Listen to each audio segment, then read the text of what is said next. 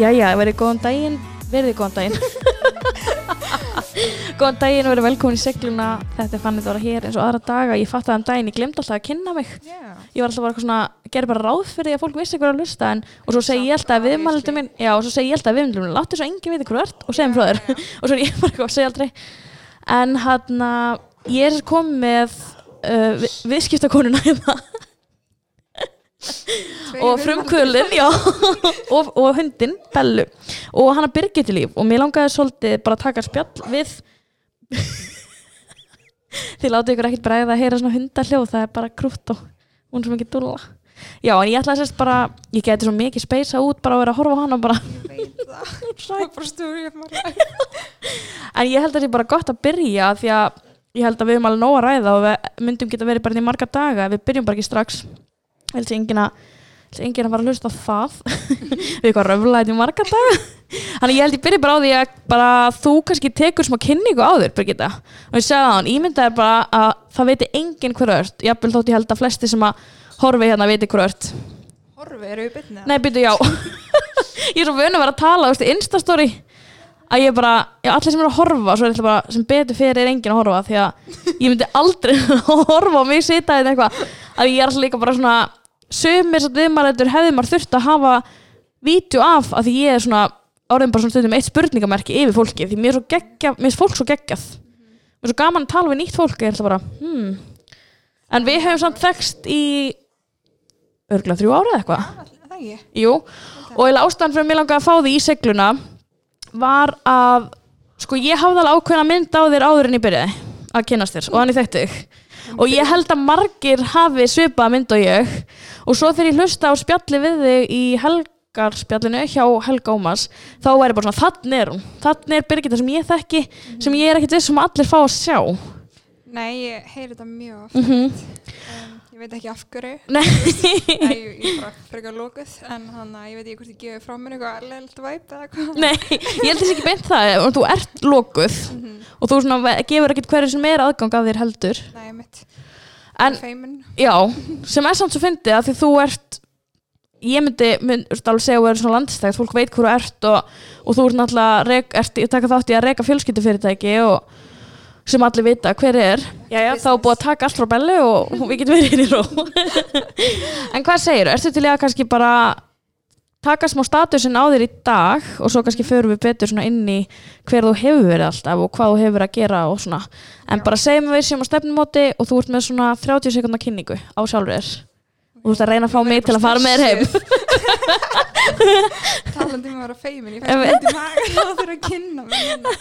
Uh, já, ég er 27 ára, uh, Reykjavíkur mær, alveg upp í Reykjavík og ég starfa í dag sem markas- og samfélagsmiðlustjóri Everclass, Ólega Spa og World Fit. Um, já, það er svona það sem ég ger í dag. Hef Mhm. mikið áhuga á helsu og líkamsrækt og síðan bara ger ég alls konar fjölbreyta hluti þessa milli. Mhm. og þú byrjar hérna með snabbt eða í hópnum hérna Reykjavík Fit og myndir segja að það hefur verið svona fyrsta sem að fólk fór að veita svona almennilega hver þú varst eða hefur þetta alltaf verið svona allir svona hann er Birgittalíf, þú veist Mm, nei, ég myndi ekki segja það. Nei. En, veist, mér allavega hefur aldrei eitthvað liðið þannig. En mm já, við vinkunnar byrjuðum semst með svona æfinga Snapchat já, þegar það var upp á sitt besta. Mhm. það var líka mjög vinsalt Já, það var mjög vinsælt. Uh, ég man að þegar við byrjuðum með hana snappið þá ég með lokað Instagram og 2000 followers eða eitthvað. Þetta er bara fyrir hvað? Fjórum árum. já, um, ég opnaði síðan bara Instagram mitt eitt mann eftir að þetta var byrjað að vera svona freka vinsælt og var ekki svona, já, ég get alveg svo sem leitt fólki að fylgjast með daglega lífinu líka fyrst að við erum alltaf að næna á eitthvað að sína æfingar og svona mhm. Og já, svo fór bara boltin að rúla og þar skiptust á þið voru með einn dag í viku. Og ég man að mér fannst alveg pirrandi þegar þið hættuð. Já, þetta var ógslag gaman. Já, og vorum líka með svona þema að maður ætti alltaf að sína æfingu, uppskrift og koma með eitthvað gott ráð. Mhm. þannig að þetta færi ekki bara út í eitthvað mitt þannig að það var svona reyðið þráðurinn og síðan var þetta bara náttúrulega lífið okkar í kringum þetta og við náttúrulega bara allar vorum og erum vinkonur þannig að við vorum ofta að gera eitthvað saman. Já, þannig að það var mjög skemmtilegt. Urðu þið vinkunur út frá þessu? Að kynntust þið og vildu gera þetta saman? Eða höfðu þið alltaf verið úr þekkist þið fyrirfram? sko við þekkjumst, við þekkjumst fyrirfram en alveg úr svona mismunandi áttum og kannski búin að þekkjast mist lengi mm Mhm. innan hópsins. En við vorum rauninni bara allar að vinna í vörklass og hann að vorum að æfa saman vorum í engaþjálun eða hópþjálun saman. Og vorum alltaf eitthvað svona að spamma okkar eigin snöpp, þú veist, ekkert eitthvað ofinbarlega en hann fannst bara gaman að sína frá æfingum og okkar og síðan kom mann ekki hvernig þessu heimveit kom upp hvort þú ættum að prófa að deila og vera með einn dag hver og eitthvað og það bara var það ógslag vinsælt það einhvern veginn var að þú veist hérna heima var einhvern veginn enginn að sína æfingar svona mikið þá, Mhm. eitthvað ofinbarlega En það komu líka alveg svona mörg hóp snabbt í þetta tímbili. já, við vorum alls ekkit fyrstar eitthvað með það Nei, mitt. en hann En það gekk mjög vel hjá okkur og Já. bara voruð alveg svona með þeim stærstu hópsnöppunum. Já, getur alveg verið. Heldur það að verið kostur að úst, fólk gætt fylgst með ykkur, þú veist, ef ég fílaði bara þig og Jónu eitthvað og gæti fylgst með ykkur og svo bara ekki á meðan að fólk sem var kannski að fylgja sem mér þurfti að sjá mig alla dag heldur að það hef verið svona kostur já, svona volið þessi þreitandi sko, örgulega kostur þú veist, ef einhver bara einmitt, vildi fylgjast með ákveðnum mm -hmm. en aðalega heldur kostur fyrir okkur sko, af því að einn dagur að vera að sjá um Snapchat í heilan dag, það er alveg meira en að segja Mhm. eða allavega þegar við vorum með svona maður þurfti að sína frá æfingum, maður þurfti að gera mat eða veist, elda eða Mhm. eitthvað uppskrift og þurfti að tala og segja eitthvað svona gott ráð eða eitthvað spjall Mhm. og hann að dagurinn snýrist ofta einhvern veginn bara um þetta og það er kannski líka ástæðan að við hættum þetta var orðið bara smá overwhelming mm Mhm. -hmm. og líka alveg svona mikil pressa á mann að vera að gera eitthvað alltaf þann daginn Já, af því maður, þú veist, ég átti kannski við sko vorum ekki með alltaf sama vikudaginn því okkur varst líka leðalegt ef einhver væri bara alltaf með sunnudag Mhm, þú veist, maður væri kannski bara að kvíla eða, þú veist, eða væri bara alltaf að taka svipa æfingu á Mhm. móndi, þannig að við rótiruðum þú veist, þannig að tikkuðum alltaf einn dag áfram, Mhm. uh, þannig að maður var aldrei með sama vikudag, en síðan þú veist, kannski vakna maður bara einn daginn og maður bara, þú veist, ekki stemdur eða Mhm. Nær síðan ekki frá æfingu eða kemur eitthvað upp í persónulega lífinu eða hvað sem er, þú veist, maður veit aldrei og þá var úrslag leðilegt líka að eiga þann daginn og annarkvort til að beila og Mhm. afsaka það einhvern veginn, Já. gæt öllum bæði eitthvað stelpunum og bara eitthvað, sorry, ég kem ekki inn á þetta eitthvað Mhm. svona eða þú veist að pína eða svona, pína sig, en þú veist svona þynga sig til að fara og vera bara eitthvað Já, og það er ekki treytara en og svo bara alls þvinga ekkert efni að skilju, Já, og líka bara þvinga efni Já. að sérst um leið og maður, það, það verður ekkert, það 100%. virkar ekkert 100% En var aldrei svona ykkur pæling hjá ykkur að taka þetta yfir á Instagram? Jú, um, mjög miklar Mhm. pælingar og þetta kom hann tímbil þegar já, Instagram var, þú veist, Instagram hefur náttúrulega alltaf verið vinsall en eftir að stories komu Já. og vídeo og svona og það var bara smá svona skipt innan hópsins skoðanar á því Mm -hmm. um, sumur vildu vera bara Snapchat sumur vildu færa þetta yfir á Instagram og sumur bæði og hann að við erum, eh, við eigum Instagram Reykjavík Fit. Er það? en hann að afsaki hundin minn hérna í bakri hún er komin í rusli augnablik pása hann að uh, já, það bara einhvern veginn fóraldri á flug við, þú veist, að því að voru svona að því að voru ekki allir ólinn í annað hvort þá bara var það ekkert úr því Já, hann að, og einhvern veginn dó bara, eða þú veist já. Mhm. þú veist, það var svona, ok, ég var að vera að gera myndbönd við klippum til og setjum inn á eða ég var að vera að posta í story eða þú veist, síðan byggum við til heimasíðu þá er líka mismöndi skoðanir á því hvort það væri svona batsins tíma að vera með eitthvað blogga hvort það væri ekki best fyrir okkur þú veist, að vera Mhm. bara á svona vídeoformandi emmett út frá því hvað við vorum að gera og það er mitt fjall líka bara um sjálft sig einhvern veginn að bara annarkvæmt fyrir allir að vera á sumblási eða ekki. Já, En Og þið fóruð bara allar svona- já. En þið fóru bara allar svolítið í sikkur áttina og fóru bara að gera ykkar. Og það voru ekkit allar sem að held áfram að vera að gera þetta? Nei, alls ekki, það var líka mitt málið, þú veist, eins og segja, það er alveg meira en að segja að vera eitthvað að sína frá og hleypa fólki að og svona Mhm. og, og sem við fengum bara ógeða því. Um, og einmitt, við, þú veist, og segja, við erum ennþá bara við hittumst oft og borðum saman og eða fyrir með æfingu eða eitthvað. En ástæðan að þetta gekk svona ógustlega vel með snappi var því við vorum allar að æfa saman þá. Já, uh, það var kannski svona skemmtilega líka við þetta. En hann en síðan einhvern veginn já, fyrir bara fólk, eða þú veist, einhverju byrja í skóla komast Mhm. ekki í þessar æfingar, byrja ykkur annar þjálfun eða þú veist, bara Einmitt. fórum í sikkur áttinnar hvað æfingar var þar en Mhm. erum 100% en þá allar vinkunir að Ég veislulingur. eftir að heilt slúður Það er svona eitthvað Þess og þessar hættara vinkonur Þessar og þessar hættara vinkonur Nei, ángríns Já, hún er alveg svik- svakaleg slúður það sko. Ég veit alveg ekki hvað það er við mig En fólk segir mér mjög margt svona Ok. slúður. Og ég er líka með svona fíla er sko. ég veit sko aldrei neitt slúður. Ég er alltaf bara eitthvað, Sko, ég veit ekki hvort ég sækist í þetta eða hvort að, veist, ég er bara með þú veist, ég er bara að hlusta og heyra og allt sem fólk segir og svona, hmm, hvað er komið, hmm, sko, það með þess að, ég fæ oft svona, býtu, varst þú búin að heyra þetta, þetta? Ég kann, nei, alveg, ok, þá gerist þetta ekki. Já, já, þú að ert ekki búin að heyra ég veit ekki hvað það er Ég er nefnilega alltaf bara eitthvað, hæ, það? Er fólk að segja það Og síðan, þú veist, eins og það var eitthvað en daginn sem ég heyrði og, og ég alveg, nei, ég held að fólk sé ekki að tala um það, nei, það held ekki. Svo heyrði ég allt í nú bara fullt áttum, ég alveg, ó, ok. En það var samt ekki rétt. En hvernig fannst þér að fara frá því, þú veist, eins og þú segir, þú að vera bara frekar lokuð og allt þetta, yfir að verða svolítið svona, þú veist, þú varst svona, nú er ég að segja þetta kannski, án þess að móðga neitt, þú varst mjög stór inn í þessum hóp sem þið voruð í og varst svona, ein, ert ein af þeim stæðstum með fleiri, fylg, fleiri flestu fylgjendur inn í vinkunahónum ykkar. Myndaðist ekkit svona einhver, kannski svona neikvæðni að þú verður að fá meiri, meiri views og þannig, eða er þið bara það góða vinkonur að þið Já. náðuð ekki að láta vera þannig? nei, þú veist, það var held ég líka bara, þú veist, ef að veist, hinnar vildu það, þá hefði allir einhvern veginn verið á, setjuðu saman borð hvað það var þar um, ég held að, já, það er bara sumir eins og ég segði aðan, sumir bara nefndi ekkert lengur þessu social media dæmi eða mm Mhm. vel leipi fólki eitthvað að og þú veist, það var einhvern þá bara tengt þessu æfingasnappi.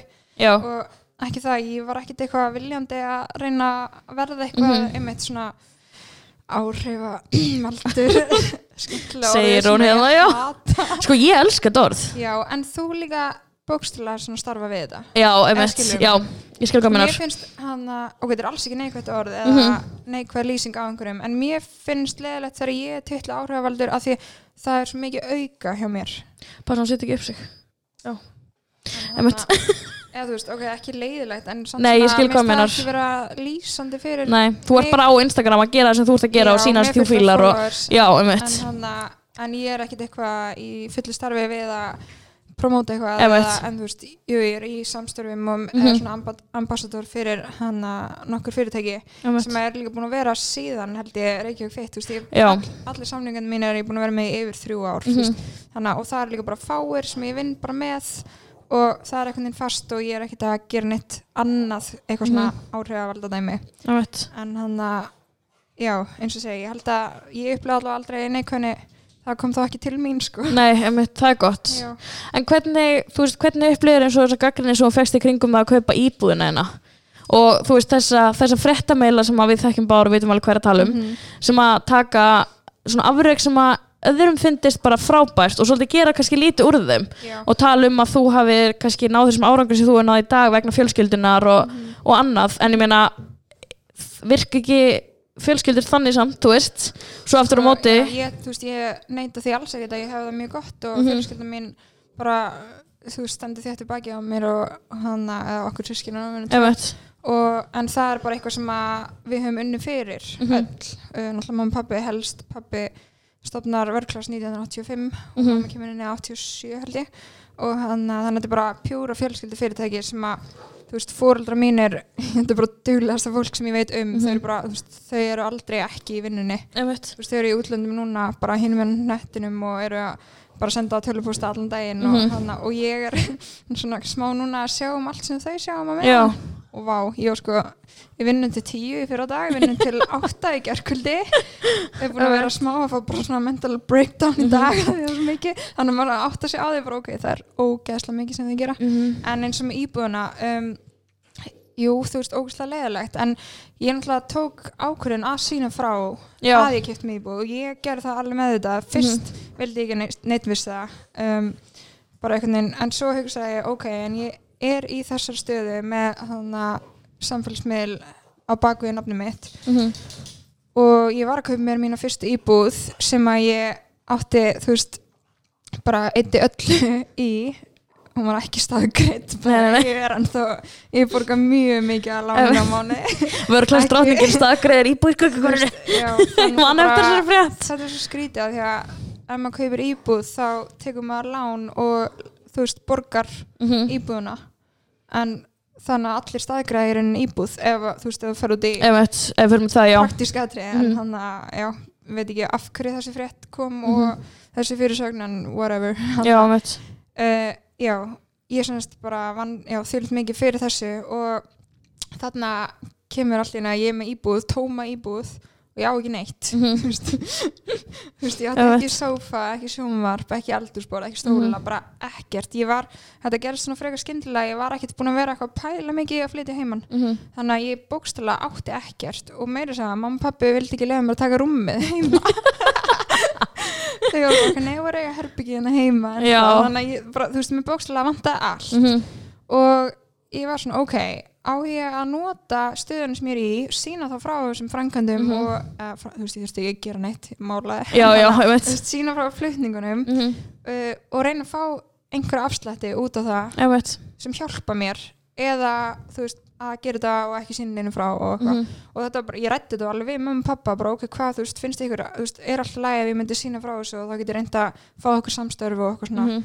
Uh, þú veist, ég var alveg fengið skilabóð til dæmis sem átti ekki frá mig bara, vá, hún þarf ekki að kaupa neitt í þessa íbúð. Tökum það fram, ég fekk ekkert frítt. Nei, ég fekk afslætti Og það líka er að kaupa- frítt í þessum heimi, sko. og ég, einmitt, og ég var líka bara svona ég var ekkert að kaupa eitthvað að því ég fekk samstarf, heldur Mhm. sóttist ég eftir því sem að mig langaði í.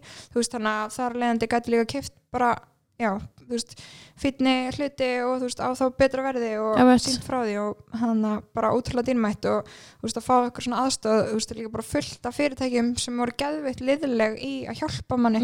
Þú veist, þannig ég mæli í alveg með því fyrir fólk sem er að flytja heimann í fyrst skipti að, reyna bara tala við búðirnar og og það er allir einhvern veginn, mér allavega ég hef mætt þannig viðmúti að allir eru að vilja gerðir að reyna að hjálpa manni eða þú veist, leiða mann að skipta greiðslum eða eitthvað Mhm. svona þannig að Já, þú meina bara þá hver sem er, Já, ekkert já, bara ekki fólk á að samfélagsmiðlum Nei, nei, nei, sko, einmitt þú veist, í alveg var bara, ég allavega lendi á bara geggjum hana stöðum hvað þetta var þar Já, að fá til dæmis, þú veist, mér vantaði þrjá barstóla en ég gæti ekki borga nema einn Mhm. til að byrja með og í að kaupa einn og einn og einn þú veist, þá fekk ég að fá þrjá og svo Mhm. deila greiðslunum, þú veist, eitthvað svona en hann að, já, þú veist þetta var bara ákveðin sem ég tók að sína frá um, umulega legalega fréttir sem kom í kringu Mhm. það en þetta var eitthvað sem ég þurfti þá bara að taka, eða Mhm. skilu en ég veit ekki, með svona frétta mennsku og eitthvað eh, svona dót, þú veist, þegar ég veit að þetta sé kjaftaði já, einmitt og allir í kringum mig veit það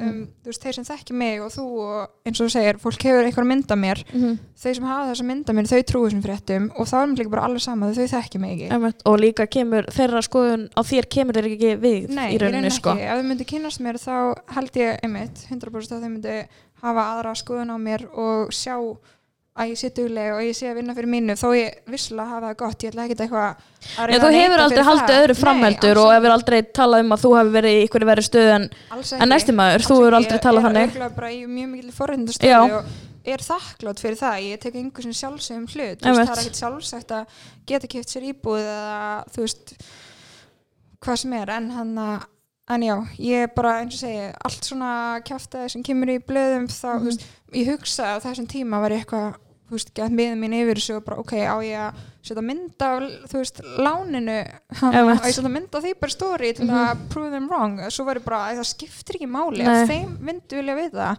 þá hefðu þau bara tjekka á því, það hefðu verið talað við mig eða spurt hvernig ég fjármagna þessa íbúð eða eitthvað. Einmitt. en þú veist, ég hef verið bara í fullu starfi og unnið með öllu námi og þú veist, ég er búið með örgulega meira námheldur en mjög margir á mínum Mhm. aldri og hann að unnið bara harta öllu sem ég geri þannig að fyrir mér skiptir það ekki máli bara svo lengi sem að fólki í kringum ég veit hvernig ég er.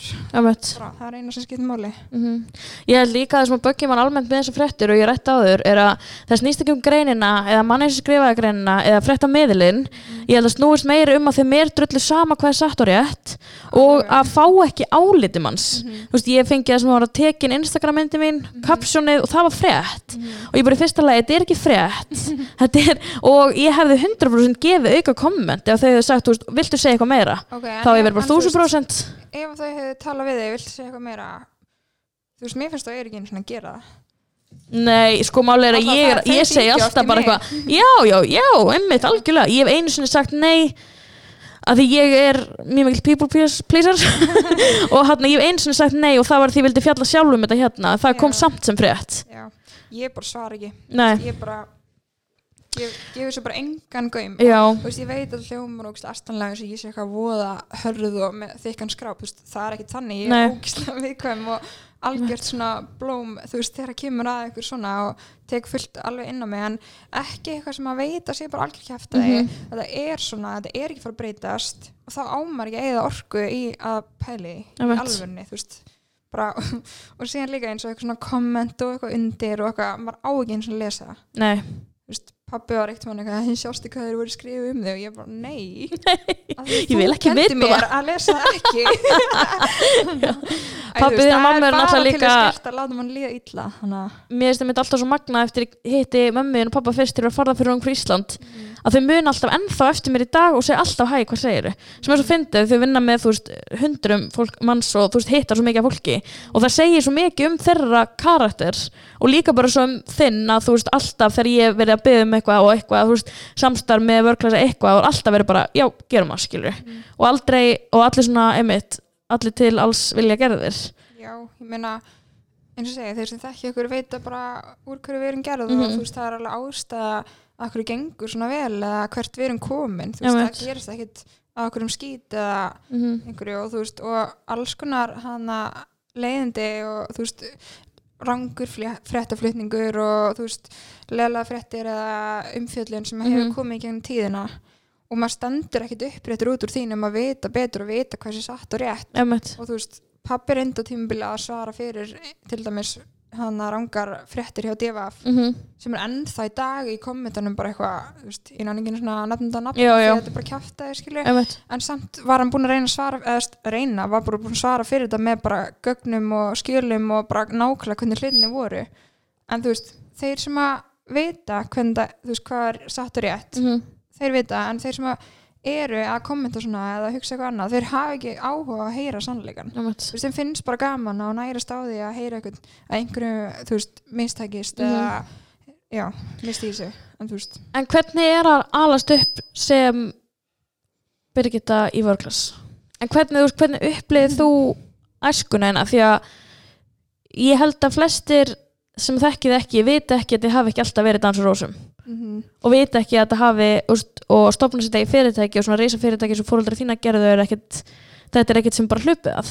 Algjörlega um, já, eins og segir, ég mann þegar hann að ég var svona kannski tíu ára þegar einhver, einmitt, þá var ég spyr bara er ekki skrítið eitthvað að mamma og pappi í vörglas mm -hmm. og ég var svona, ha, okkur ég, það, ég þekki ekki neitt annað. Mm -hmm. en vissilega var þetta alls ekki svona stórt, þú veist hann eins og þetta er í dag Mhm. og kannski krakkar um, á okkar aldri og sérstaklega yngri en við þú veist, muna bara eftir og halda bara laugar hafi alltaf verið hana Já, Æ, mitt. skil- þú veist, það er svolítið þannig bara, Já. það hefur alltaf verið hana já, þú veist, en það er alls ekki ég man eftir þegar það var að byggja laugar og hana og það var bara allt lagt undir og veist, Mhm. það var bara búið að sína mér hérna tjálsæði laugadal ef að, ef að gengi ekki nógu vel Já, það var búið að veðsitja húsið okkar og ömmu og afa í báðar áttir og Mhm. þú veist selja bílana og pappi hjóla í vinnun okkur degi og þú veist, ég man eftir öllu þessu mm -hmm. um, man eftir jólunum þar sem voru enga gjafir að því að hann að að því að við vorum að opna laugar í janúar, byrjun Mhm. janúar og þú veist og það var bara, fór allt í það það var bara að fresta jólunum skilju en hann að mm, þannig að ég held að það sé líka ástæðan að þó ég hafa mjög gott í dag að ég kann að meta allt, ég teka einhversin sjálfsögðin hlut ég vinn, veist, ég mæti vinnuna alltaf daga, Mhm. þú veist, og ég er bara þó ég sé sjálf frá, bara mjög dugleg veist, Mhm. og ég held að ef ég hef ekki upplifað hvað sem svona tíman að tvenna Já, við hefum ekki eitthvað það slæmt skilju. Nei, nei, nei en ef maður hefur ekki upplifað hvað stendur að baki velgengum Mhm. eða baki vinninni, þú veist þá er ekkit, þá væri ég ekkit endilega eins og ég er. Þið hafi náttúrulega alls ekki fengið þetta upp í hendunar og þið ekki heldur, þú og bróðin hafi ekki, veist, þið vinnið í vörglas, mm. veist, ég Já. ykkur bæði bara við ákvæmsluborðið í lögum, Akkurat.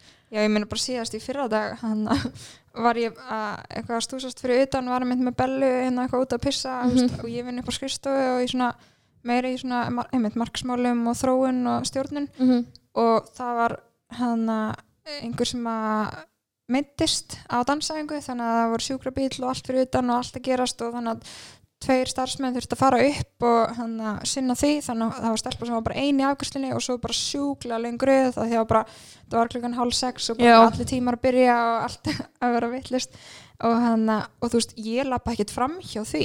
Nei, ég bara, herri, ok, hoppin afgjörslu þú veist, Mhm. bind hundin hérna við afgjörslu borðið og svo byrja ég bara að afgræða mm veist, ég er ekkert eitthvað, nei, ég, hann, þú ekkert sko skrifstofunni og ekki mamma pappa heldur eins og en daginn þú veist, við vorum að opna semst stækka stöðun okkur í Mosó Mhm. og við vorum, hún var opnað á lögati, lögatsmanni fyrstaskvöldinu voru ég, mamma, pappi ennþá þannig að þú veist, alveg Mhm. bara fram á kvöld pappi að einmitt þú veist, það er ekkert, við erum ekkert eitthvað lappandi og skipandi fólki um, veist, við bara Já. gungum í verkin líka sjálf það er Mhm. ekkert sem að ekkert sem að við gerum ekki. Ég maður þegar ég flutti fyrst í bæinn þá hann að um, var ég ekki vörglas, var ég annari öfingastu af því ég þorði ekki að vera vörglas. Ég bara, mér fannst það eitthvað ég var búin að heyra um laugar. Og nægur drottningarnir í laugum og ég bara, ég er ekki þessi stelfa, ég er bara í gamlum íþjóttfötum bara tengi ekkert inn í þetta dæmi og bara meik ekki, bara ræði mig ekkert meira. Og svo mann ég eftir ég hafði samband við þig og var eitthvað svona, heyrðu, mér langar bara að sína að það geta allir verið í vörglas og þetta er ekkert eitthvað mér varst ógeðslega leðilegt að heyra þetta Já, og ég man eftir að þú varst bara, ha? Já. Og ég var bara, ég fæ alveg, úrst, ennþá, bara hvað er þetta að æfa? Alveg vörglas, bara meikar það. Já. Og bara því að það er einhver svona kannski gömul, svona gamalt viðmið af þessum, ég ekki er að gera lítið úr neinum, en bara svona úr ákveðnum hópi Mhm. af fólki sem að er að uh, æfir meira en aðris og er bara í geggjöðu formi og bara standa sig vel. Og svo byrja ég vörglas og ég var eitthvað svona, þetta fólk og já, ég var bara, var ég búin að hrædd við hvernig maður hrædd við, bara eitthvað svona Já. og þetta er, var rosa mikið bara alls konar fólk og, og það var ekkert og veist, það var aldrei ég hef aldrei orðið vör við það að vera eitthvað svona það er einhver að horfa mig sem er nægátt við þetta skilur en ég líka bara tók með þetta ákvörðun um það. ég veit að svo byrja ég bara sjálf að vera algjör nægdrætning bara í samstæðu með nægblöðs og allt þetta. En veist, líka bara því ég held að sé einhver svona ímynd Já, ég held að þetta sé bara einhver staðalímynd sem er bara eins og margt annað, bara gömul mýta. Mhm. auðvitað eru, það eru allar týpur og úr öllum einhvern veginn pörtum þjóðfélagsins Mhm. auðvitað eru þessar vakstarætta týpur sem að þú veist, eru svona staðalímynd eitthvað og eru kannski meira ábyrrandi þú veist, taka myndar sér í ræktinni og svona, maður sér þær kannski Já, frekar heldur en eru í speiklunum, eru þú veist í þessum svona típisku æfingum sem maður kannski ekkit allir eru í. Emmett, og hann að síðan alltaf já, laugar verður kannski smá svona miðpuntur þess mm uh, sérstaklega í kringum þessi fitnessmót sem eru veist, páska og nóvember og eitthvað svona um, en allavega mér finnst eins og það hafi verið meira Mhm. Já, ég er þetta sammála því, sko. ég tek ekki eftir þessu jafn mikið ennþá mér Nei. finnst smá svona um, í dag það er bara það eru allir að æfa Mhm. þú veist, það er ekki til að líta svona út Einmitt. eða vera fyrir þennan tíma eða, jú, jú, auðvitað einhverjir og hann að já, allir með mismundi markmið Mhm. og mismundi ástæðar fyrir að hreyfa sig. Mhm. en mér finnst það bara að vera heilt yfir þá bara er ótrúlega dreifður hópur af fólki hvernig það lítur út eða hvað gerir Mhm. í lífinu eða hvað er gamalt veist, við erum með í dag við erum með 48.000 meðlemi Það er veist, það það getur ekki verið bara fitness Nei, það er ekki svo margir ekki svo margir nægdráttningar á landinu sko. en ég held líka um mitt bara bara með því fyrir svona fjórum árum þá urðu til dæmis bara flottar íþróttaföt aðgengileg fyrir alla þú veist, það ég man bara, ég kom í bæinn þá var ég bara, var ekki sens að geta kipt um íþróttaföt skilur Nei. þannig ég held líka svo þróun þú veist, fatalega séð uh, að veist, allir svona séu með betri aðgang að því að geta að fara í ræktina og fle miklu fleiri svona skemmtilegir hóftímar sem að fleiri Akkurat. tengja við kannski meiri bara fjölbreytni í, þú veist, já, úrvali hvað er Mhm. í bóði fyrir alla og allir ætti veginn geta fundi eitt, hvaða stöðir vilja vera í hvernig, Einmitt. veist, tímum eða með hverjum og líka bara, held ég líka með tilkomu samfélagsmiðla, mm -hmm. að það opni ótrúlega mikið augun á þeim sem eru með ákveðnar hugmyndir eða með þessar staðalímyndir í Einmitt. huga og með þá, þú veist, núna bara ótrúlega flotta fyrirmyndir, bara eins og þig Mhm. þú veist, sem eru bara sína þú Einmitt. veist, hvað þau eru að gera og ó, ok, þá get ég líka farið Mhm. eða skilju Já, ég man líka eftir því ég fór hérna sem sagt, fekk fólk til að senda mér tíma sem að það þorði ekki í mm. og ég fór í tímana Já. og fór bara í ógeðslega mikið svona skrýtnum innan geðslega mm. tími sem ég hefði sjálf aldrei skráð mig Ég er ekki búin að fara í og ég var líka eitthvað, þú veist, ég var í svona jallabína workout og zumba og eitthvað ég man líka, ég var alltaf að draga hana olguhelnu með mér í allt Já. og ég var bara, þú veist, ég trú ekki sem var nýju álega degi til að fara í zumba bara, og svo var það bara ókslega skemmtilegt Já. og þú veist, og svo margir sem að þú er ekki að fara bara í salin, Mhm. þú veist, í mm -hmm. ræktina, að það eru svona geðveikt mikið, það eru svona geðveikt mikið af tímum sem að og ég sá það alveg þegar ég byrjaði að fara í svona marga tíma sem ég myndi annars ekki skrá mig í hvað það voru margir sem ég bara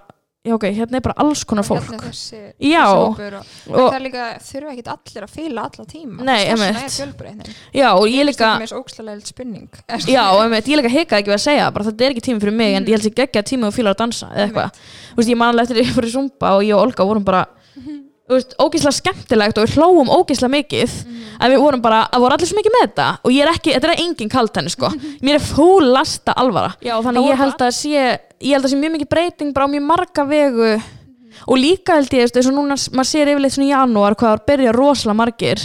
En mér finnst samt bara búið að haldast svolítið bara, það eru bara allir í ræktinni. Já, það er alltaf verið að tala um bara, hvað var ekki bara brjála að gera hjá okkur núna veist, við, þetta er ekki svona mikla sveiflur eins og fólk heldur nei sko, við toppum alltaf í november og í mars og það er fjölda. mjög random ég sko í þú veist Já. mætingum þannig að fólk heldur að það sé bara september og janúar en það er ekki þannig og Mhm. einmitt í dag mér, veist allavega hvernig ég upplifi og svona allt í kringum mig um, núna get ég ekkert staðhæft eitthvað fyrir alla en mér Mhm. finnst svona bara eins og svona væpið í samfélaginu er einhvern veginn að þú bara ert ekki maður með mönnum nema og sért að Mhm. hreyfa þig og hugsa um heilsuna. Og, og á góðan hátt. Já, veist, og það er ekkert að tala um eitthvað endilega að fara í tækisalinn og sitja í eitthvað tæki Mhm. þú veist, og, eða gera backpress eða þetta veist, það er bara allir með einhvern veginn svona mismunandi hluti hvernig þeir æfa og hverju þeir hafa áhuga á.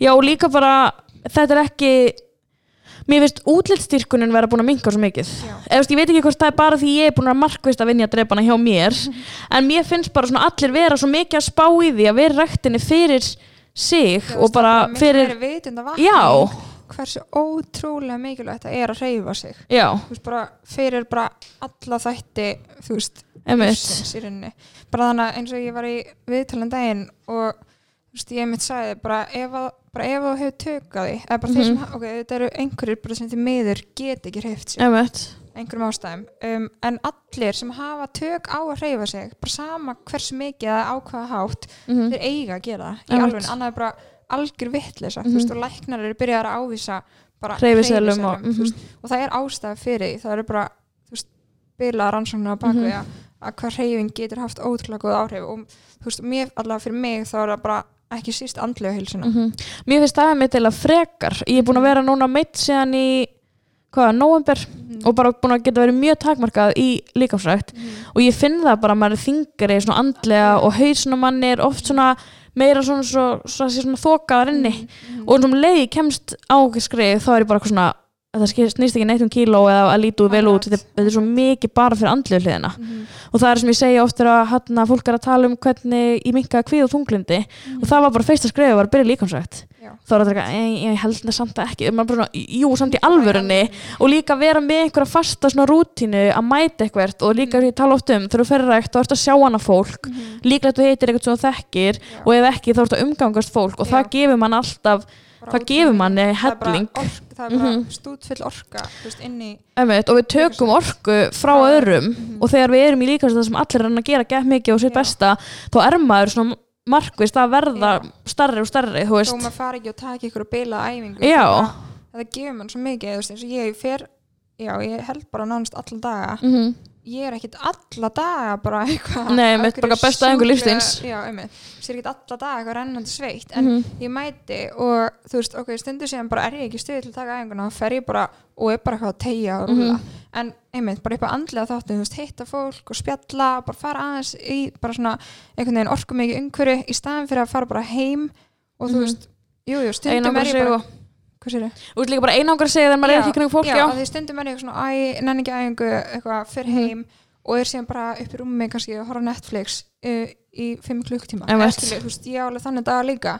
Ok, gerð, þú veist, litum það með liða betur? Nei, mm um, ógisla kósi og að fara upp í rúm og horfa. Netflix, ég get samt að gert það eftir æfingu Já, bara einhvern veginn svona já, veist, það er alveg auðvitað ekkert neðsynlegt að fara æfingu alla daga en fyrir mig þá allavega gerir það mér, þú veist, ég veit að það gerir mér Mhm. betra að mæta saman þó ég sé ekki fara að taka æfingu eða þá er þetta um einhverju fúlan æfingu Mhm. bara mæta og einmitt, hitta fólk, bara fá smá súrefni og orku og, Mhm. hana, og síðan get ég farið heim og einmitt En hvað hann þú veist, hvern, hvernig setur þú svona, þú veist, ertu mikið að setja það markmið og ertu mikið að spá í þessu svona, ertu meira bara svona, þú veist, að keira alltaf á hlutina? Sko ég var gæðið þetta pæli í sig og hlusta á hana nýja þáttin með þér og sendru Mhm. ég er nefnilega að skrifa engin Nei, mér niður. kemur það ekki Nei. óvart. Og ég var bara svona ekki tengið allt þetta. Mhm. og ég hugsaði, einmitt, og þá vissi ég að ég væri frá að koma til þín fljóðlega þess vegna væri svona mikið að pæli í sig Einmitt, og þú veist, ég var alveg, ok, það eru örgulega margir hlusta sem eru eins og ég. Já, og mér er samt, þú veist, geðveikt allt sem þér að tala um og allt sem Mhm. Sandra er með bara trillt, sko, inspiring og allt það, en ég bara einhvern veginn funkar ekki á þennan eða þú veist, ég funkar bara ókslega vel hann að gera þetta ekki. Einmitt. Um, þú veist, já, ég set með markmið og eitthvað svona, en það er bara einhvern veginn í hausnum á mér, eða Mhm. skilju og ég kannski segja um þetta við einhverju í kringum mig, þú veist, mér langar að gera þetta ég ætla að gera þetta. Mhm. og ég er einhvern veginn með svona ég sé árið alltaf einhvern veginn fyrir mér í hausnum á mér á bara ákveðin hátt. Ég, Já. hor, þú veist, ég get ekki útskýrt þetta, þetta er bara svona mynd hvernig ég horfi til mér á bara heilt ár og ég veit bara einhvern veginn hvað ég er að fara að gera á hverjum hluta og Mhm. já, einhvern veginn set markmið í kringum það, einhvern veginn í haustum á mér en án þess að vera með svona fasta leið að þeim Mhm. sem er kannski heldur ekkert eitthvað að besta en ég er samt, ég beila ekki Nei, hefur virkað fyrir hingað til já, ég myndur geri þú segja að þú værir þú væri bara fætt en þetta væri bara svona í þér eða tókstu bara einhvern markvis ákvörun um að vera ekki að setja það markmið eða, veist, eða kannski ekki beint að setja það ekki en heldur vera ekki svona líka- skrifað niður og ég hef alveg líka verið að skrifa niður og þú veist, gera eitthvað svo leiðis og einu sem væri bara alltaf með dagbók og þú veist eins og ég er Mhm. að versla og ég bara, bara skrifa allt í dagbók þú veist, handa alltaf eitthvað voða fínt á netinu og mér fannst það bara geðveikt Mhm. og virka bara kannski að gera þessu liti og bara hluti tengt náminu og okkur svo leiðis Mhm. þá virkaði sjúklega vel fyrir mig en síðan einhvern veginn þróast það þannig að ég hætti að gera það og, og ég hef svona stundum hugsað, þú veist, mér varst til og með núna áramótin mér varst geða skrítið að fara inn í þetta ár Mhm. og þetta ár er bara svona sjúklega opin bók ef við skoðum hérna Já. Þú veist, ég var bara svona váka en það var gett þú veist, það var gett eitthvað léttir á yfir mér Mhm.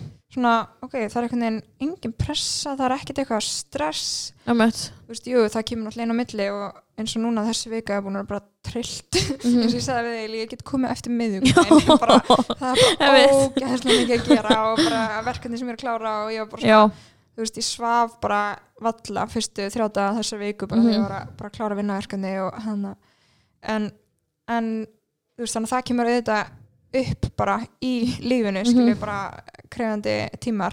En, hann, en ég fór samt bara með eitthvað svona ótrúlega já, mér var bara svona gett létt yfir mér að fara inn í þetta ár Mhm. og þú veist, ég er svona, jú, ég er með einhver markmið tengt, einmitt, æfingum uh, ekki eitthvað kílódóti eða eitthvað heldur hann að uh, bara æfingar sem mér langar að ná að gera Mhm. og ég er búin að segja þjálfurinn mínum þessi markmið, já, ég skilju þú veist, ég er alveg, hei, ég ætla að ná muscle up hérna Mhm. og ég ætla að gera þetta og þetta og þú veist, þannig að ég er alveg að hendis út í kosmosið en ég er ekki eitthvað, ok, á mánudaginn ætla ég að Mhm. æfa mig í jú, það virkar auðvitað fyrir suma en Mhm. ég er bara veginn En mér, ég, ég upplifði mitt þetta að skrifa markmið oft veist, mér finnst það mjög þægilegt og ég gera það og skrifa mjög mikið niður. En svo oft hugsa ég líka bara svona finnst það svona svolítið yfirþyrmandi Já, og ef ég næði ekki og ég með það veist, í túspenna í bókinu minni Mhm. og þú veist þess að ég með bókinu er búin að skreita ekki Já. mikið. Og svo var ég eitthvað að fara um bókinu yfir daginn og ég, um daginn og ég svona, ég næði þess ekki ég næði þess ekki. Og þá var maður svo söktur meira yfir því sem maður nær ekki heldur en því sem maður nær.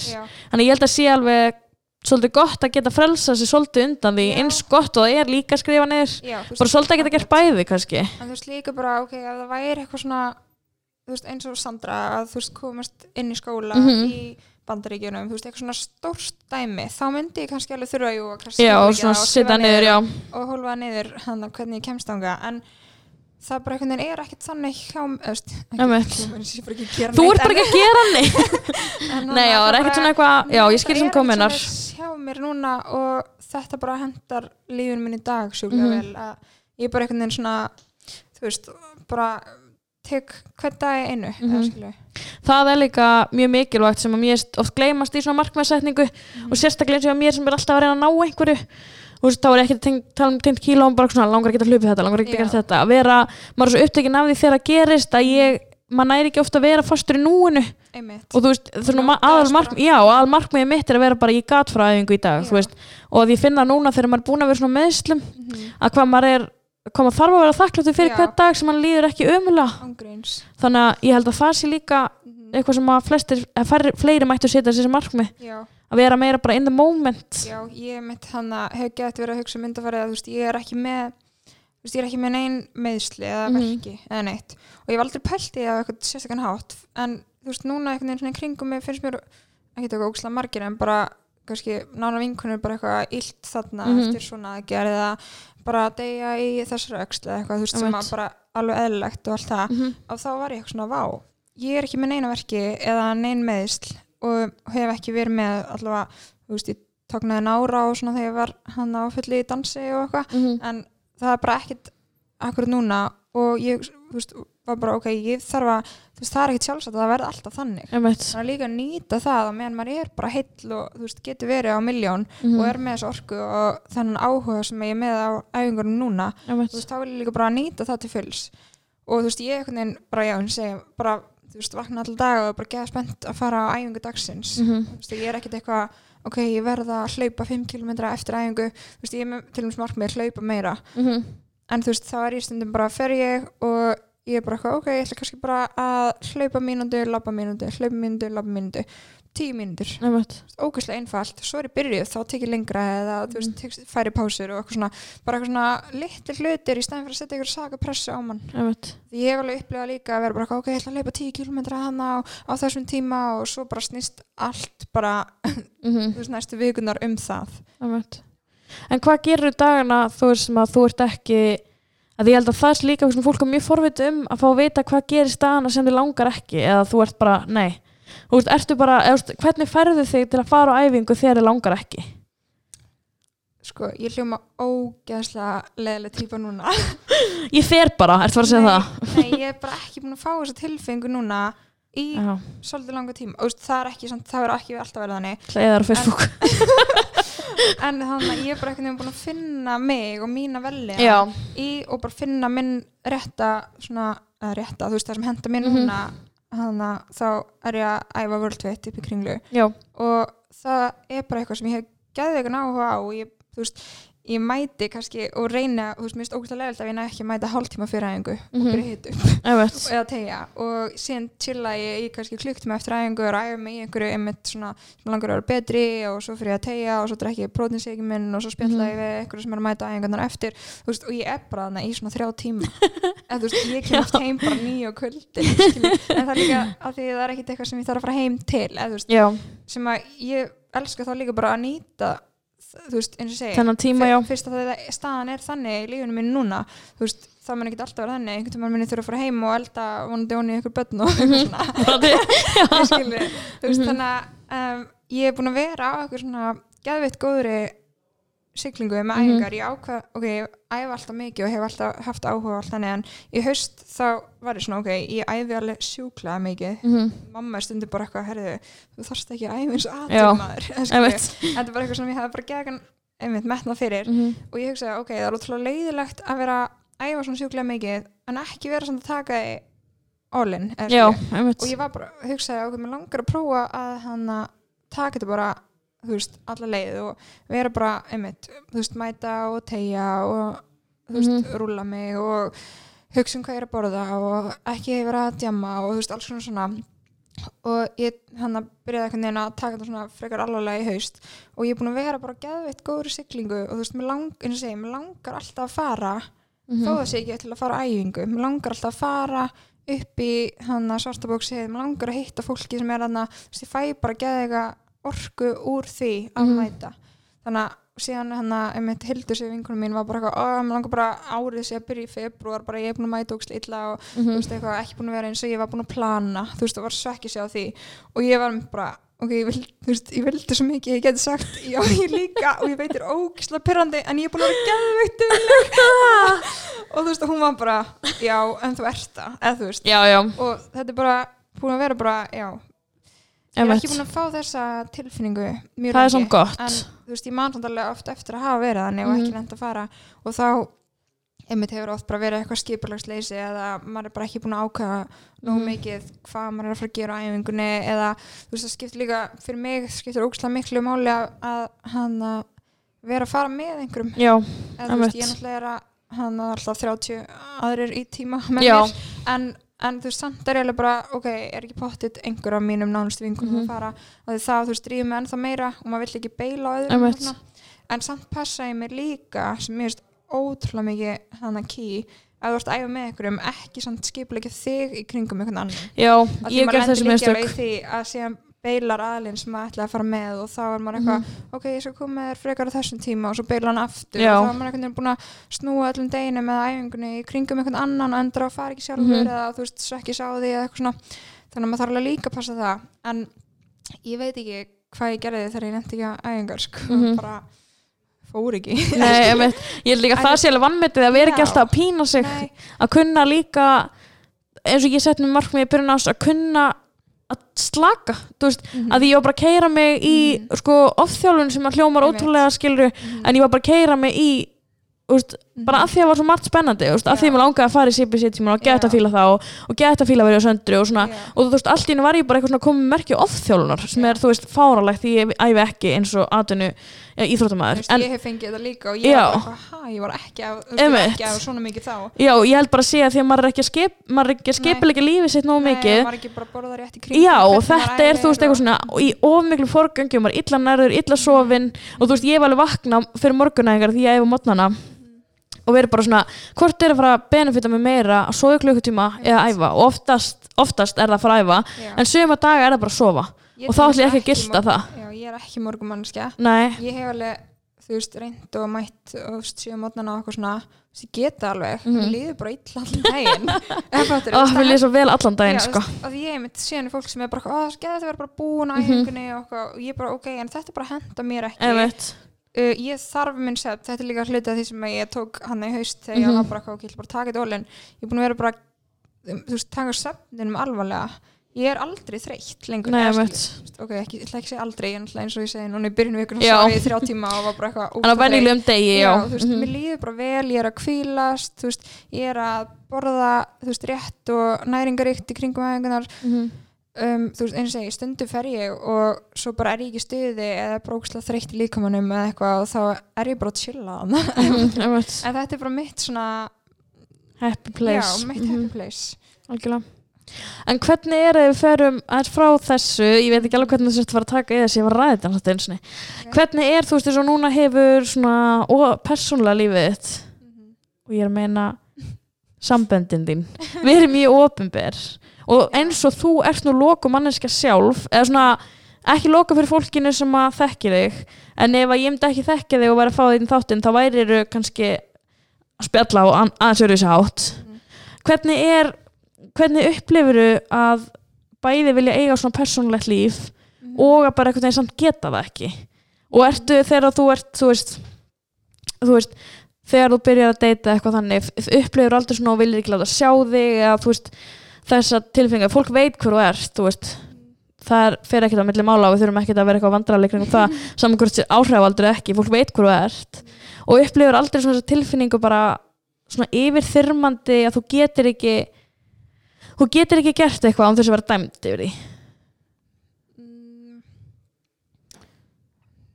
Nei, Nei, eða þú veist, það hefur mm, ég veit ekki veist, nei, ég hef ekkert pælt í þessu eitthvað um, ég er alltaf mikil ofhugsari að ég Já. hugsa svona, í- þú veist, ég hugsa svona í döðlu fram tilbaka sko En þú veist, ég líka heyri svo oft eitthvað um mig að ég, þú veist, bara sem að ég er ekkert rétt og þú veist, þannig ég er ekkert að pæla í hvað fólki, fólk sé að segja eða finnst það því að eins og segja bara sama og með hana íbúðuna eða Mhm. fjöndamennsku mm -hmm. eitthvað, þú veist, þeir sem þekkja mig að vita hver staðan er og hvernig ég er eða þú veist, já, þessu hlutir og ég er ekkert að pæla alltaf mikið í því. Nei, þú lætur þetta ekkert fara í tjóðan þess nei, eiginlega ekki. Okay. og ég vildi ég væri með svona attitút ég bara, þú veist, ef einhver sendir mér á Instagram eitthvað, ég þarf að segja rétt, þá er bara bara hérna bara, ekki bara trilli sko. Já, ég veit ekki, ég bara þú veist, það bara skiptir máli að mann sjálf líði vel Mhm. og hann en í gegnum að vera svona þekkt ég ætla bara að segja þekkt Þekktur áhrifaldur. Að eins og þegar ég, hann að lengsta sambandi sem ég var í þegar við hættum saman ég vildi ekki að neitt vissi það þú veist, þá var ég alveg smá svona þú veist, þá var ég líka bara brotin skilur mm og þá fannst mér bara ógslag vandra alltaf varum hætt saman og fólk myndi frétta það Mhm. og, og hann að að, þú veist, já, þannig að ég hef alveg líka liðið þannig já, ég held bara að upplega líka svolítið mikið með sambandslit og vera svona opinber er Mhm. að þú veist, maður er svo mikið í sárum maður er ekki tilbúin að svara spurningum frá öðrum eða, eða vera á opinbera sig þú veist hvernig mann líður, af því að fólki veitu þetta að mann líður ömulega þegar svona gerist. En samt, sko, það veit það samt ekki allir af því hafa ekki allir upplifað það. Og ég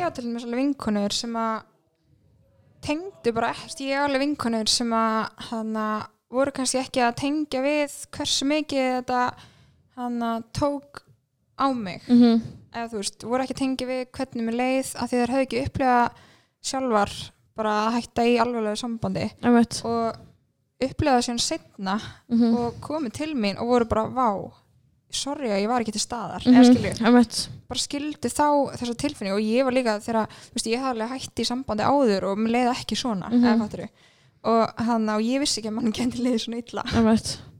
Já, ég tengi alveg Já, mjög mikið. en þú veist, og þess vegna ber ég líka svo ógæslega mikla virðingu fyrir, þú veist, sambandsleitum í- Mhm. núna, eins og þú veist, þegar þú og Tómas Mhm. hætt saman, ég er svona, jú, ég, ég fatta það út frá social media Einmitt. en ég var aldrei að fara að senda á þig. Nei, það Veistu kom mér ég einmitt eila mest á óvart þegar ég hérna tók ætlaði ekki sérst að taka eh, ég ætlaði ekki að segja, ég ætlaði ekki að segja eitthvað svona public frá því, af því mér fannst það ekki komin hennu við Mhm. og, nei, og líka því þetta var ekki Instagram með okkar sammeðlegt, Mhm. þetta er bara ég og Tómas kom hann inn á regl annars Mhm. lægi, skilur, þetta var ekki eins og hann ætti hennar miðil með mér eða, og svo var ég líka bara ekki tilbúin að það er að gera frétt um það Einmitt. og ég var bara þvílíkt heppin að að Já. og ég var bara þvílíkt heppin að það hafi ekki komið sem frétt af því að Mm. þarna er þetta ekki bara um mig að það sem ég er að gera, þetta er líf annara mannesku Mm. og þú veist, ég held að það sé ofta sem fólk fattar ekki að þegar það er stanslust að áreita mann með einhverju svona, er það hættar mann, hvað gerir yeah. maður bara, þú ert ókunnum manneska ef ég er ekki búin að segja það í story þá er ég ekki fara að segja þér það. Já. Ég er mitt svona, ég held að, að fólk sem að sendir svona skilabóð eða er að spyrja okkur, ég held að segja mitt bara þau veit ekki betur, þú veist, Mhm. þau eru auðvitað ekki meina illa. Nei, en ef að þau vita hversu illa manni getur liðið, þá Mhm. myndu aldrei vera að senda svona, mm að þetta tryggra bara einhverju tilfinningar og þú veist, hugsanir og eitthvað, ég veit, ég mann þegar það var bara eitthvað að vera að spyrja bara, já, hvað, þú veist ertu að fara út eða gera þetta mm eitthvað, og þá var ég bara bara, oh my god, bara mannskjan hann er að reyna að komast að því hvort sem hætt saman eða bara að byrja að ofhugsa. En þú veist, mannskjan var bara innilega að spyrja hvernig við næst, eða fattur þannig að, já þú veist, ég hef alveg upplegað þetta líka. Mhm. en hann að og líka bara svona fólk heldur að vilja vel en svo þú veist er maður eitthvað ég þarf ekki að fá myndir af einstaklingnum ég þarf ekki að fá skilabóð alla daga hvað er þessi gangi eða skilur einmitt. Líka því að fólk veit ekkert hvað gengur og meina við fyrir bara mjög góði vinnir og, Mhm, og akkurat. bara ótrúlega vel hjá okkur að vera vinnir þrátt fyrir það að hætta Akkurat. saman. Akkurat, en það því samt ekki að maður þurfa að fá að vita allt nei, einmitt. En líka hver, ef við förum að hann hafi verið með Ungfrú Ísland. Já, sem að við erum hittumst í fyrsta sinni gegnum. Já, ég held það þegar ég farða fyrir Ungfrú Ísland örugglega fyrir hvað þremur að fjórum árum? Örgulega fyrir fimm árum. Fimm? Nei, Veist, ég meina, ég það er útskrifaðist alltaf- bara á fjórum, fyrir fjórum árum. Æ, já. En það er alltaf tvö ár síðan við hættum Já. að halda keppnina. og eru þið hætt alveg með keppnina og sjáu þið ekki fyrir ykkur að hún muni koma aftur? Um, Nei, í rauninni ekki. Ok. Við eigum ennþá leifið og allt svoleiðis. Mm En mm, þetta var ótrúlega skemmtilegt Mhm. og hann að ég, þú veist, maður svona elst upp við Ungur Ísland og, -hmm. veist, og mamma og pappi einhvern veginn hefði alltaf verið að vinna svona eitthvað í tengslu við keppnina og síðan Mhm. tókum við við henni 2015 þegar þáverandi eigandi bara var ekki búin að vera sinna og hafði ekki áhuga Mhm. á því lengur og við tökum við keppninu og breytum náttúrulega ótrúlega mikið svona fyrirkomulegin á henni Mhm. og hann að það var þegar Arnægir vann Já, já, ég var þá um mitt Já. Ok, jú, við heldum keppnir alveg þrísvar og svo eru tvö ár sem við erum ekki búin að vera þetta eru fimm ár. Uh, Já, 2015 og það er 2020 Oh my god. Um, Svo Líður alltaf að ég hef útskrifast í gær sko, og að þetta var allt gest bara í fyrra dag Já, þetta var ótrúlega skemmtilegt uh, sjúklega mikið vinna mm -hmm. uh, sem að, já, við bara hann að lögðum í og var eins og segja mjög skemmtilegt ferli og ég sjálf lærið bara geðað mikið á þessu í kringum bara að vinna með stelpunum og svona, veist, ég sjálf ekki tekið þátt en mér fannst ég alveg fá þú veist, allt það út úr hana sem að maður þroskast bara því mm. -hmm. gegnum þetta ferli, mér fannst ég alveg fá það saman út úr því og stelpunar um, og bara kynnast ótrúlega mikið af bara flottu fólki, bara bæði þeim sem tóku þátt og öllum sem voru að vinna í kringum þetta Mhm. En hann að síðan bara já, kom bara á þeim tímpunkti að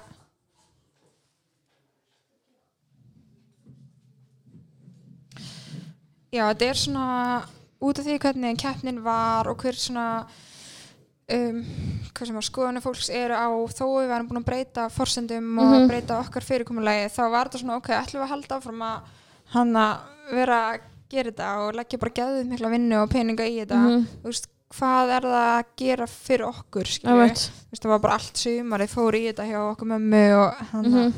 þeim sem voru að aðstofa með þetta. En já, þetta var bara svona að við svona, ok, prófum að taka pásu. Það var líka þá komin eða, semst, eftir að við vorum með Ungur Ísland bara, sem er, þú veist, var bara gamla keppnin Mhm. sem við síðan bara breyttum aðeins.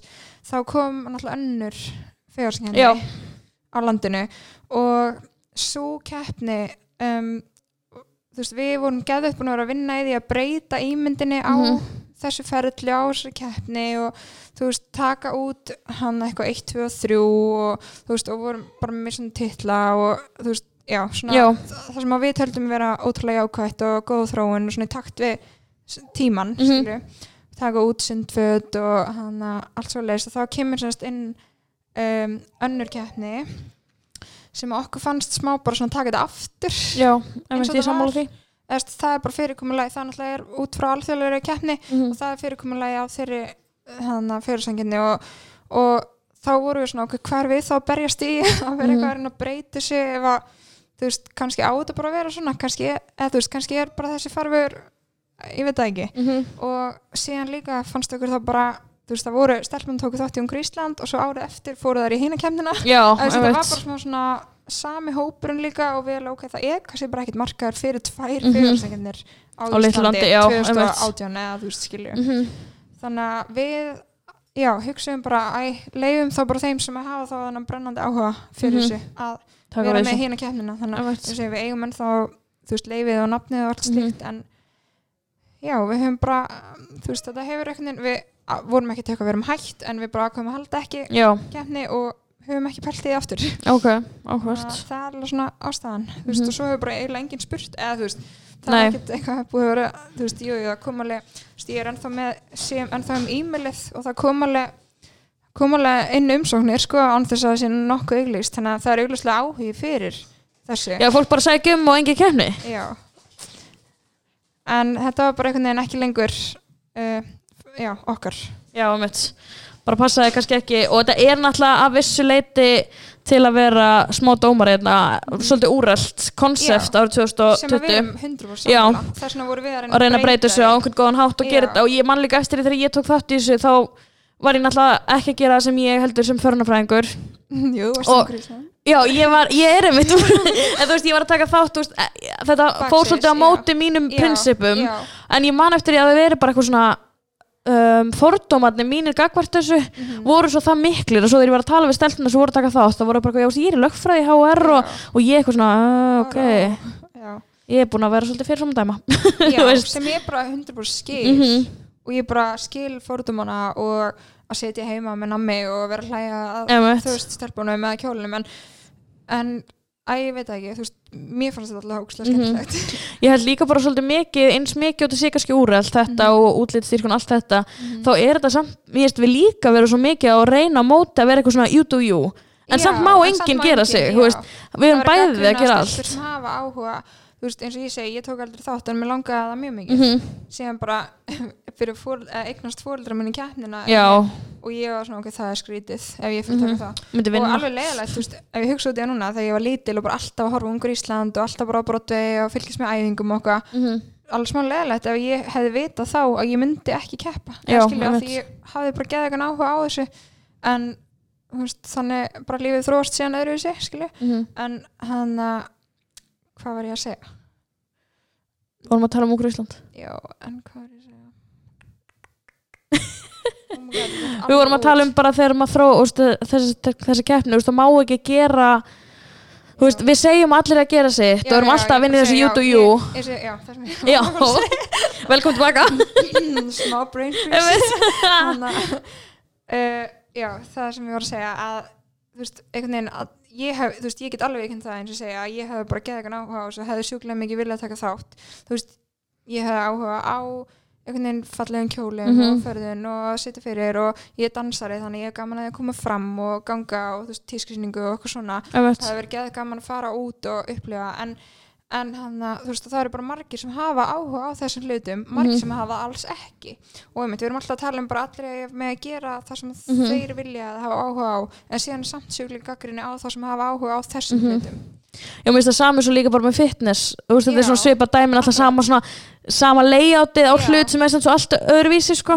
En við erum, mér finnst það svo rosalega upptekinn að það sé árið 2020 og allir er með að gera sem við og líka minnur okkar og, og þú veist, við mögum sína hann eins og við viljum. En svo aftur á móti ef einhver gerir eitthvað sem er smá út fyrir kassan þá rökkum við þau samt niður. Mhm. þú veist, þá kom kommentakerfið, þá kemur Twitter og ræðist á mannskina skilur og þú veist, og við erum svo upptekinn af því bara já, þú veist, þetta er úrelt en á meðan að fólk situr og horfir á þetta og, og þetta er eitthvað sem við mun aldrei skilja. Þú veist, að fylgjast með ykkur á Instagram sem við finnst uh, leðilegur að þú kýstið þurfa að kommenta á mannskina okkur unfollower ekki, því að valdið þitt, Mhm. valdið er algjörlega fylgjendanum að horfa ekki, að kommenta ekki og ef, ég, ef það er einhver sem ég mæli ekki með Mhm. þá tala ég ekki um manneskina Einmitt. ég gef því ekki klátt þú veist, ég er ekki eitthvað allir að ekki fara, því þegar þú segir eitthvað svona þá fara allir þangað í staðin fyrir bara að segja um að veist, það sé einhver hópur sem vill ekki að fyrir samkjöfni séu bara tala ekki um Já. Bara drepa þetta skilur. Já. það nærist bara á Klikkum og- já. hvað sem er. En já, en síðan þú veist, er bara fólk er mismunandi og það er bara aldrei að fara að breytast. Veist, þannig að fólk hefur mismunandi skoðanir og einhverjir tala um það sem því líkur ekki og Mhm. þú veist, aðrir ekki og æ, það er bara þannig. Já, ég held að sé kannski bara gott að enda því, ég held að Belli sé bara langa að komast heim til sín. Eftir langan tafskristunni En- mjög erst Já, en þið látið ykkur eitt bræða við heyriðinni Já, en við langaði líka að hérna, taka aukna blik og þakka styrtaralunum okkar fyrir á huppu. Og Vá, ég þú, við að- elskum huppu. Ég, ég er að fara í kvöld og ég er Oh my að vera God. spennt alla Ég elska sann sko, ég og Sandra um að tala um daginn huppu krút. Ég fæ mig alltaf huppu Ég það er líka krútlega sem við veit og líka bara eitthvað svona fullkomi magnavís sko, ok, hana, viðkenning eða hvað sem er Já, confession, já, ég er ís fíkil já, ég nefnilega sko, þú ert held ég eina manneskjan sem fyrir oftar á ís heldur en dagbjörnstingunum mín sko. Já, já, einmitt, ég tengi mjög mikið Já. hana, þó þessu ískallt úti og allt það. Já, sko, mér finnst nefnilega því ekt að fara í ís Já. mjög skemmtileg, mér finnst Já. gaman að fara í ís en ég er ekkert svona eitthvað ógeðslega mikið fyrir að, veist, að borðan það er svona kallt, mér finnst Já. ógeðslega gaman að fara á sumrin í ís. Já, en þegar það er svona bara það Sko, ég, hana, já, ég hef alltaf verið svona, mamma minn líka svona, bróða minn líka svona og sko pappi kallar okkur ísfólki Oh my god, og segir að við séum með sérhólf í maganum fyrir ís. Og þú veist, þetta hefur alltaf verið svona og við alltaf, fengum alltaf ís eftir kvöldmat um helgar, þú veist, það var bara alltaf Mhm. til ísin í fristi og sósur og allt þetta. Og ég bara í alvegni, ég gæti, þú veist, ég fæ mér ís í staðan fyrir kvöldmat, ég er ekki að melda með því. Fá okkur desert en, en þú veist, ég gæti það. Og hana, þannig ég átti ógustlega erfitt með að hann að fá mér huppukrút að því mér langar bara í get mikinn ís ef við farið tvö hup og grót, getur umlega en geta alveg elski ís já, þú veist, þannig að mér langaði bara helst í lítinn að bræðaref huppuref mhm. En hann að já, og það er svona mjög til erfitt að skipta yfir að fá mér, þú veist, huppugrút af því menn það lukkaði svo Mhm. ógeðslega lítið og ég var bara svona, að ég er með langar í meiri ís? En, svo bara, en það er bara eitthvað þriðið dagur og ég var Mhm. Ekki á æfingu, ég á ekki að fá mér ís þannig ég var svona, fyrst var ég eitthvað svona sem ég að pína mig til að fá mér út, eða hljóma fárlega en ég skil svo hvað meina Já, og, en síðan er þetta svo fullkomin stærð Mhm. því sem ég er búin að komast að, stundu fer ég og bara, ok, nú ætlum ég að fá mig lítinn. En síðan er maður bara búin með þú veist helmingin og maður er bara eitthvað að springa í klára, svona, í klára já, já, alltaf. og því maður verður að klára. En það er ég bara eitthvað oh, my god, okkur verður að bóla svona mikið ís? Mm ekki hann sé ekki það, þú veist, hann vel Mhm. Þess bara- bragðið, en óþur að fá svona mikið en huppugrút, það er bara svona perfect. Ég, ég, ég, Þetta er bara, þú er svo innlun Þetta. Er bara besta auglýsing sem við gætum verið með. Í lokin, ég þess að þetta fyrr. Ég er búin að vera svona, við getum líka svo að svo, ó, styrtar að þáttar eins og upp og þú væri búin að glemma að þú ert jafn mikið upp fónu ég. og ég líka náttúrulega finnast í heimi að ef að uh, hvernig get ég orðað þetta á þessi skriti ef einhver vill fara á Ísund með mér Mhm. og manneskjan segir ekki upp að það fer ég ekki Mér finnst það bara að segja meira um því sem manneski heldur en að ég vill kynast með það sko þetta er virildi við eina bestu vinkunum minni sem var hún hann vildi fara í aðra ísbúð? Og sagðist ekki borða huppu og ég var bara, hvað meinaru? Líka það er ógeðslega margir ísa og getur ekki bara upp Þú hefur bara ekki fengir huppu enda á fórum. Hún byrður alltaf um huppu núna að segja. Wow, þetta er held ég besta ölsing sem að hefði getað komið í þetta Ég held ég kláru bara á því, takk fyrir að koma. Fyrir og þú eru að koma aftur. Já, og það við er verum, af því að eins og ég segi, við hefðum getað talað í allan dag en ég held að hefði enginn enda hlusta okkur röfla í þrjá tíma Já. eða þú veist, nema kannski svona nokkrum hollum. Svona vol 2, vol 3 Já, þannig að þú eru bara að koma um- aftur. löng podcast, ég elska löng podcast. Já, sko, ég elska lengt podcast en oft finnst mér ef þau eru ekki, þú veist, oft fer það bara í svona eitthvað rugl, skilur, já. og líka því við þekkjum svo vel þá, þá er oft erfitt að Nei, emitt, og Já. líka eins og ég upplýði svolítið er ég talaði við Tönju og margir sem sögðu svona, þú veist, að því þið þekkist svo vel, þá Já. ferði ekki inn í alla sögurnar ég. Já, já. Að því ég veit kannski söguna og svona áttaði mikið á að ég þyrfti að segja söguna fyrir hina líka. einmitt. Þannig að ég held að reyna að passa mig á því þegar ég tek fólki viðtal sem ég þekki mjög vel að vera samt forvitin og Já. svona. Þannig að en ég held að það bara tekist mjög vel hjá okkur Já, ég vona það og ég hef ákveðsist núna þátturinn komi inn fyrirpartvikunar, ég ætla ekki að festa mig einn dag en ég gerði svona könnun á Instagram og það voru flestir sem vildi fá hana eða fá þáttinn inn fyrirpartvikunar bara upp á pepp og þetta. Þannig að bara gera eitthvað undirbúið sunnudag, mándag, þriðdag ég læti ykkur vita á Instagram. Já hann kemur, af því ég vill ekki festa mig einn dag en hann kemur í næstu viku. Þannig að þið getur fylgst með mér á Instagram fannidoro.com niðurstrykk og ég læt hérna vita þegar þáttunum kemur inn svo getið fylgst með Birgitu bara allt Birgitta líf. Eða ekki, ekkert niðurstrykk Ekkert niðurst ég fæ ekki vera nema á niðurstrykk ég hef oft pælt, ég ætlaði alltaf að spyrja það hvort það mér niðurst sko máli er það er önnur kona sem er eldri en ég sem heitir Fanny Dóra. Þess vegna get ég ekki haft bara Fanny Dóra.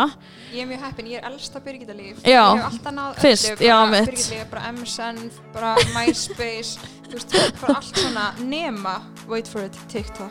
Nei, já það er svona meikast alveg senn Þá náði ég ekki. Það var youngsters á undan mér já ég hérna einmitt sko ætla alltaf að breyta sem ég Fanny Dóra því ég er búin að minka bloggið mitt svo mikið að ég bara er ekki inn á því eins og er en tímið sem þetta ekki er, er svo fallegt.